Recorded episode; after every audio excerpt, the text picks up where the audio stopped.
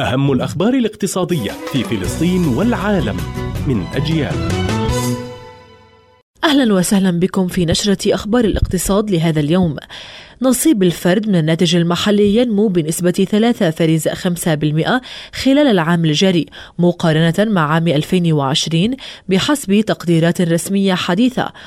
وأوضح تقرير صادر عن الجهاز المركزي للإحصاء الفلسطيني إلى نمو الاقتصاد الفلسطيني بنسبة 6.7% خلال العام الجاري مقارنة مع 2020 إذ بلغ الناتج المحلي الإجمالي خلال العام الماضي حوالي 13.9 مليار دولار. فيما يتوقع أن يسجل حوالي 14.83 مليار دولار خلال العام الجاري ما يعني أن نصيب الفرد من الناتج المحلي. سيبلغ حوالي 2900 996 دولار. الحكومة الفلسطينية تتلقى ما نسبته 20% فقط من دعم الموازنة خلال العام الجاري في تراجع غير مسبوق في المنح. وأظهر تقرير لموقع الاقتصادي استنادا على بيانات الميزانية الفلسطينية أن المنح الخارجية للموازنة العامة بلغت حوالي 286.1 مليون شيكل حتى نهاية نوفمبر تشرين ثاني الماضي.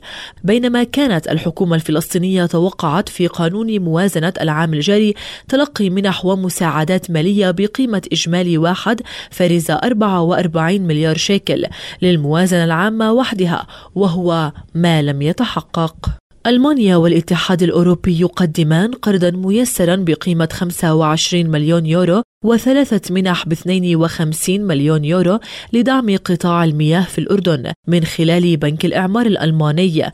وتم توقيعها من قبل وزير التخطيط والتعاون الدولي ناصر الشريدة ويأتي ذلك لتمويل الجزء السادس من برنامج إدارة الموارد المائية قروض بقيمة 48 مليون يورو من بنك الإعمار الألماني بهدف تحسين معالجة مياه الصرف الصحي بطريقة صديقة للبيئة. تراجع الليرة التركية بنحو 2% في وقت مبكر لتمحو المكاسب التي حققتها في الأسبوع الماضي. إذ استمرت مخاوف المستثمرين من توقعات السياسة النقدية بالبلاد. وانخفضت الليرة إلى حوالي 12 فرز 9 مقابل الدولار مقابل 12 فرز 61 عند الإغلاق. هذه كانت أهم أخبار اقتصاد فلسطين والعالم لهذا اليوم. كانت معكم سوار الطويل.